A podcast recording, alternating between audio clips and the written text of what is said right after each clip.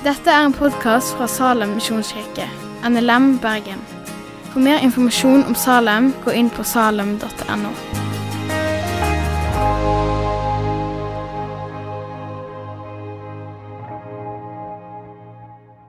Da skal vi prøve å eh, se litt hva Bibelen sier. Som eh, Bodil sa, så er temaet for gudstjenesten er 'De skal gi ham navnet Immanuel'. Så Det er overskriften. Og så har jeg også et hovedbudskap som jeg ønsker at du der hjemme skal sitte igjen med etter denne talen. Og det er 'Jesus er Gud', bindestrek med oss. Jesus er Gud, bindestrek med oss. Og Det nærmer seg jo jul. Det nærmer seg høydepunktet for året for veldig veldig mange. Men jula 2020 den vil jo bli litt spennende å se hvordan den faktisk ender opp med å se ut. Kanskje får vi ikke vite det før kanskje lille julaften. Jeg og kanskje du vi har så fort for å se fram til jul. Fram til når eksamenene er over, fram til når alle fristene er over. Og så glemmer vi kanskje at vi står i en tid fra nå og fram til jul som kalles advent, som kalles ventetid. Vi venter med en forventning til Han som skal komme, til Jesus som skal komme. La oss avduke julens faktiske budskap. Klarer vi å se under all julepynten, under alt som dekker over hva som faktisk ligger under der? Det skal vi prøve å avduke de neste 20 minutter. For der skjuler det seg en konge, en frelser. Ja, der er Gud, og der er Jesus. Temaet er de skal gi han navnet Immanuel. Og for de som har lest Bibelen, så tenker de kanskje at eh, prekenteksten er fra kapittel 1 i Matteus. Det stemmer. Vers 18-25, og vi leser i Jesu navn. Med Jesu Kristi fødsel gikk det slik til. Hans mor Maria var lova vekk til Josef. Men før de var kommet sammen, viste det, seg, viste det seg at hun var med barn ved Den hellige ånd. Josef, mannen hennes som var rettskaffen, og ønska ikke å føre skam over hun, ville da skille seg for hun i all stillhet. Men da han hadde bestemt seg for dette, viste en Herrens engel seg for han i en drøm og sa.: Josef, Davids sønn, Vær ikke redd for å ta Maria hjem til deg som de kona. For barnet som er unnfanga i hun, er av Den hellige ånd. Hun skal føde en sønn, og du skal gi han navnet Jesus, for han skal frelse sitt folk fra deres synder. Alt dette skjedde for at det ordet skulle oppfylles som Herren har talt gjennom profeten. Se, jomfruen skal bli med barn og føde en sønn, og de skal gi han navnet Immanuel. Det betyr Gud med oss. Da Josef våkna av søvnen, gjorde han som Herrens engel hadde pålagt han, og tok henne hjem til seg som si kone. Og levde ikke sammen med hun før hun hadde født sin sønn, og han ga han navnet Jesus. La oss be. Takker deg, Jesus, for at du er til stede akkurat her. Du er til stede i alle de heimene som ser på, Herre, takk at du har sagt at der to eller tre er samla i ditt navn, der er du midt iblant oss. Og Takk at det stemmer òg nå. Takk at det stemmer òg i en digital verden eh, og i en tid som vi er i nå. Jesus, du ser talen som ligger foran. Eh, jeg ber om at du må velsigne ditt ord, som bare du kan gjøre. La det bli deg til ære og oss til gavn. I ditt hellige navn. Amen. Vi har lest ifra Matteusevangeliet. Jeg vil bare minne deg om hovedbudskapet. Jesus er Gud med oss. Og Matteus drar oss inn i selve kjernen av julebudskapet. Nemlig at Jesus ikke bare er en stor lærer, men at han er den allmektige Gud sjøl. I vers 20 forteller engelen at et menneskeliv vokser inni magen til Maria og at det ikke kommer fra et annet menneske, men at det kommer fra Gud sjøl. Josef lærer at han skal være pappa, han skal være far i sekundær forstand. Marie hun er gravid med og ved Den hellige ånd, at Gud er den ekte faren. Så kommer det en mer sånn direkte uttalelse om hvem Jesus skal være, i vers 23, hvor Matteus siterer fra profeten Jesaja, kapittel 7. Se, jomfruen skal bli med barn og føde en sønn. Og de skal gi ham navnet Immanuel, Gud med oss. Gjennom århundrer så har de jødiske lederne kjent til akkurat den profetien, sammen med mange andre. selvfølgelig. Men de hadde ikke trodd at den skulle bli tatt så bokstavelig. For hvem venta jødene på? Hvem trodde de at Immanuel var? Eller hvem håpte de at Immanuel var? Ja, De venta iallfall på en stor og en sterk leder som skulle befri dem fra slaveriet, befri dem fra fangenskapet. Men hvordan stemmer dette overens med det som vi leser i Jesaja 7? Et lite barn født av ei ung kvinne, en jomfru. Matteus sier at dette løftet ja, det er større enn det noen kan forestille seg. Ja, det er større enn det du kan forestille deg. Jesus Kristus er Gud med oss pga. det menneskelivet som vokser i Marias mage. Et mirakel som er utført av Gud sjøl. Barnet er bokstavelig talt Gud. Matteus, som er forfatter av evangeliet, han var jøde og var selvfølgelig også klar over profetien som sto i Jesaja 7. Og Matteus skriver om Jesus og Jesus sjøl gjennom livet til Jesus, gjennom hans påstander, gjennom hans oppstandelse, så overbeviser han de aller nærmeste rundt seg, som var jøder, om at han ikke bare var en profet som skulle fortelle dem hvordan de skulle komme til Gud, men at han skulle fortelle dem om Gud som kom for å finne dem. Matteus er heller ikke den eneste forfatteren i Bibelen som legger fram dette, at Jesus er Gud. Apostelen Johannes, som allerede har blitt lest ifra i dag, sier at Jesus er Ordet, som aldri ble skapt, men som eksisterte sammen med Faderen fra evighet av. Og ordet var Gud. Paulus, en annen jøde fariseer, skriver at for i hans kropp bor hele hans guddomsfylde. Ikke bare en tredjedel, ikke bare halvparten, men hele guddommen. Hele Gud bor i Jesu kropp. Apostelen Peter nok en jøde skriver gjennom rettferdigheten fra vår Gud og frelser Jesus Kristus. Vår Gud og frelser Jesus. Jesus er vår Gud. I et annet kjent julevers så står det For et barn er oss født, en sønn er oss gitt, herreveldet er lagt på hans skulder. Han har fått navnet Underfull rådgiver, veldig Gud, evig far og fredsfyrste. Det barnet som skal bli født, det barnet som ble født, skulle få navnet Veldig Gud. Ja, det var Gud, den allmektige, som ble inkarnert, som tok på seg kjøtt og tok bolig iblant oss. Så i Jesus så har Gud blitt nær for oss. Han er blitt vår Emanuel, Gud med oss. Jesus er heller ikke Gud bare, fordi, eller bare pga. det som er skrevet om han. Han sier òg en del ting sjøl. For så kan du lese gjennom evangeliene at Jesus tilgir synder. Bare noe Gud kan gjøre. Han sier òg at han skal komme tilbake og han skal dømme verden. Men dommen hører jo Gud til. Det er bare noe Gud kan gjøre. Og på et punkt sier Jesus før Abraham var født, er jeg. Han bruker det guddommelige navnet på Gud på seg sjøl. Så Jesus er Gud. Men så var det òg en bindestrek på dette hovedbudskapet med oss. La oss se litt nærmere da på navnet Immanuel. Gud han gir Israel og han gir hele menneskeslekten et tegn som vi skal få lov til å se framover på. En jomfru skal bli med barn og føde en sønn. Ja, Det er tegnet. Og barnet det skal få navnet Immanuel. Immanuel blir ikke hans egen navn, det blir ikke navnet på han, for det blir Jesus, som har litt av den samme eh, tydningen som Immanuel. Men det er altså ikke det som først og fremst skal bli hans kallenavn eller hans merkelapp for å skille han ifra de andre. Men det er et navn som skal fortelle noe om hvem han er som person. Og Så finnes det tre, kanskje flere nå, da, med tre tanker i Immanuel. Det første er at han er Gud, han er menneske, og han er med oss. I et annet evangelie så skriver nei, eh, forfatteren at Jesus han utnevner tolv disipler for at de skal være sammen med han.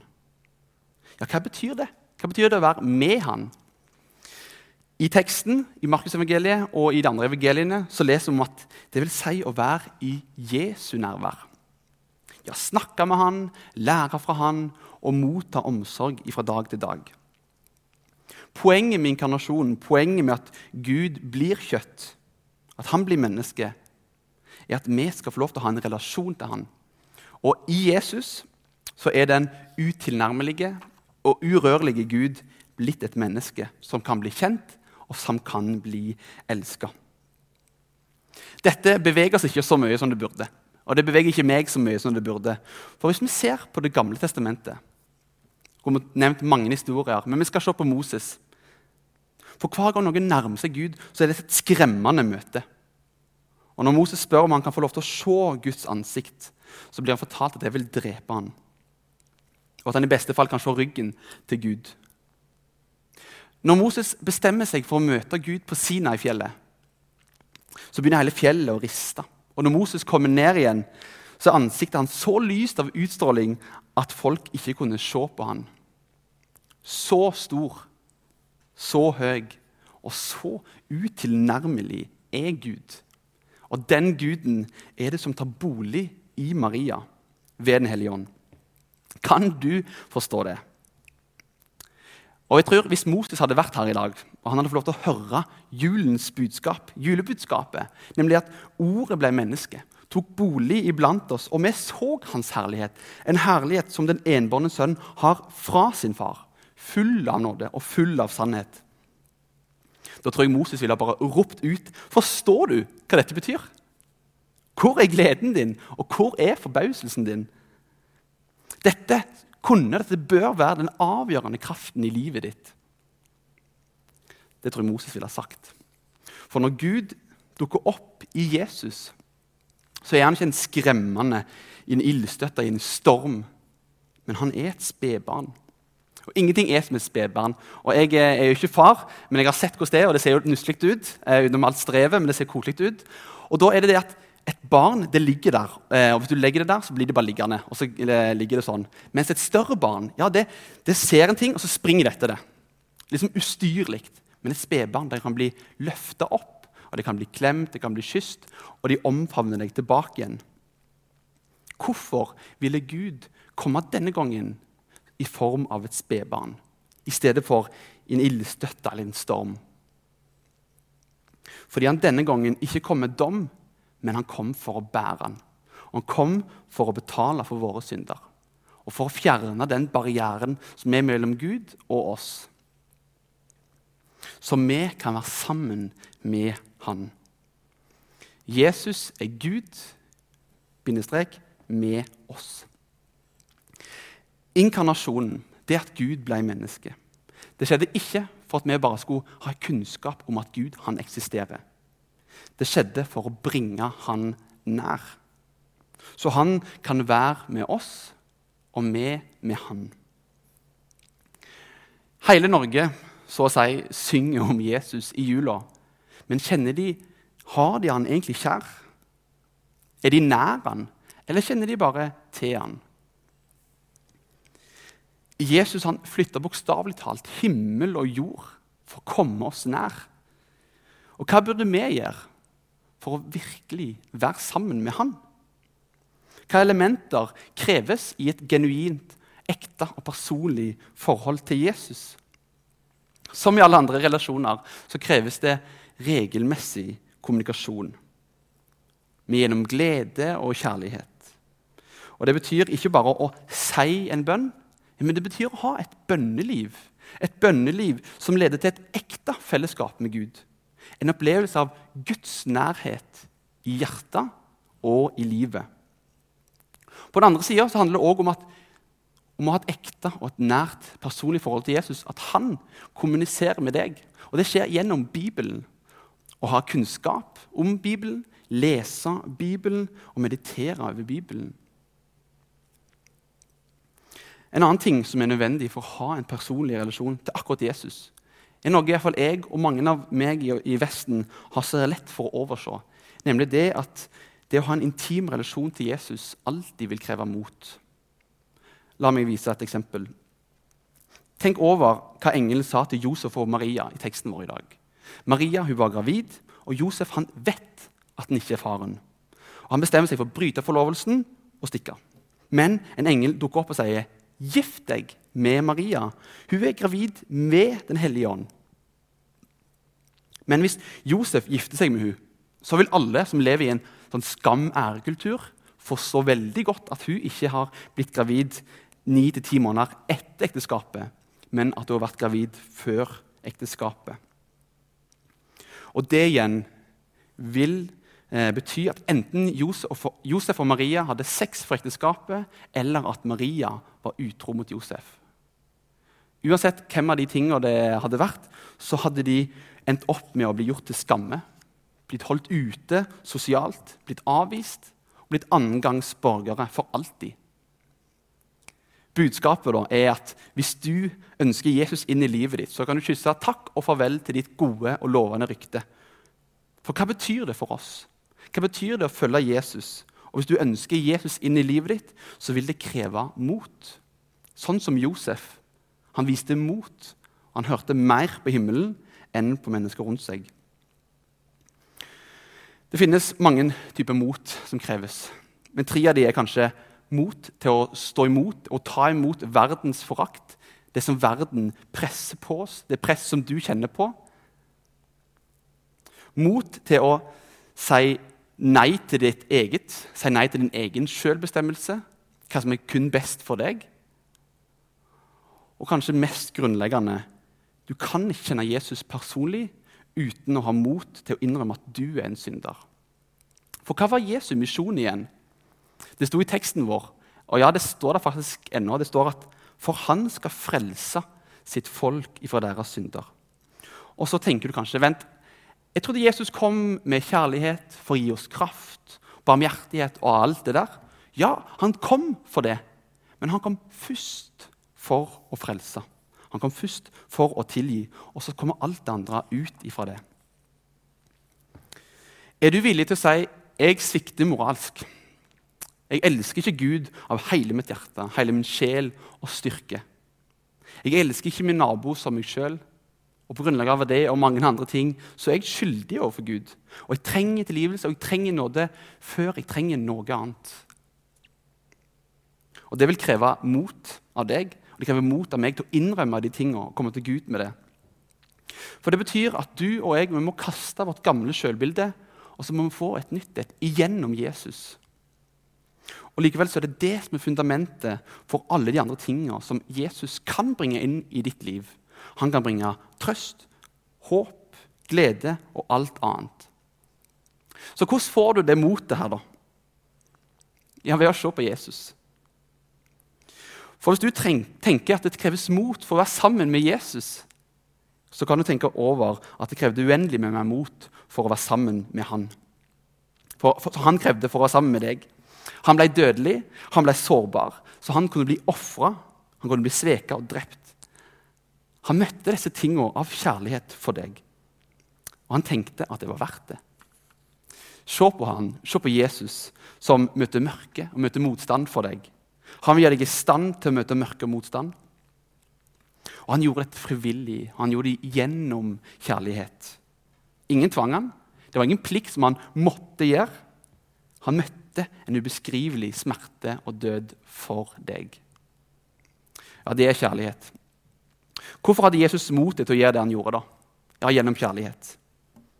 Og det vil drive ut din kjærlighet for han. Og da vil du ha motet til å plassere han der han hører hjemme, i senteret av livet ditt. Og da vil han være sammen med deg, og han med deg, og du med han. Lovsangstimen kan komme opp. Eh, jula det betyr at du kan ha fellesskap med Gud. I Jesus har Gud kommet nær deg. Og i Jesus kan vi få lov til å komme nær Gud. Jula betyr at Gud gikk uendelig langt for å gi seg sjøl til en som vi kan kjenne personlig til en som vi kan ha fellesskap og intimitet med. Gud tok et steg for å komme nær deg. Da fortjener Gud at du tar et steg imot Han gir det som trengs for å komme nær Han. Det er det julen handler om. Det er at Gud kommer nær. Julen er en utfordring på samme måte som det er et løfte til fellesskap med Gud. Jesus ble vår Immanuel. Han er vår Immanuel. Gud med oss. Jesus er Gud med oss. Han kom ned til jord, ble født i en skitten, uverdig fødestue for en konge. Men hvorfor? Jo, han kom for å løfte deg opp fra den gjørma som du står i, og sette dine føtter på stødig fjell. Ja, det er det som er evangeliet. Jesus som kom og levde det livet som du ikke klarte. Og vi kan kle oss i hans rettferdighet. Takk og lov så er ikke evangeliet de gode nyhetene om en oppskrift som du må følge for å komme til himmelen. Men evangeliet er de gode nyhetene om han som levde et fullkomment liv for deg. Jesus ble født for å dø. Jesus ble født for å frelse. Jesus ble født for å frelse deg. Fra krybben til korset gikk veien for deg. Slik åpner du porten til himmelen for meg. Velsign oss, vær med oss, gi lys på vår vei, så vi alle kan samles i himmelen hos deg. Amen. Takk for at du har hørt på podkasten fra Salem, Bergen. I Salem vil vi vinne, bevare, utruste og sende, til Guds ære. Vi ønsker å se mennesker finne fellesskap, møte Jesus og bli disippelgjort her i Bergen og i resten av verden. Vil du vite mer om oss, gå inn på salem.no.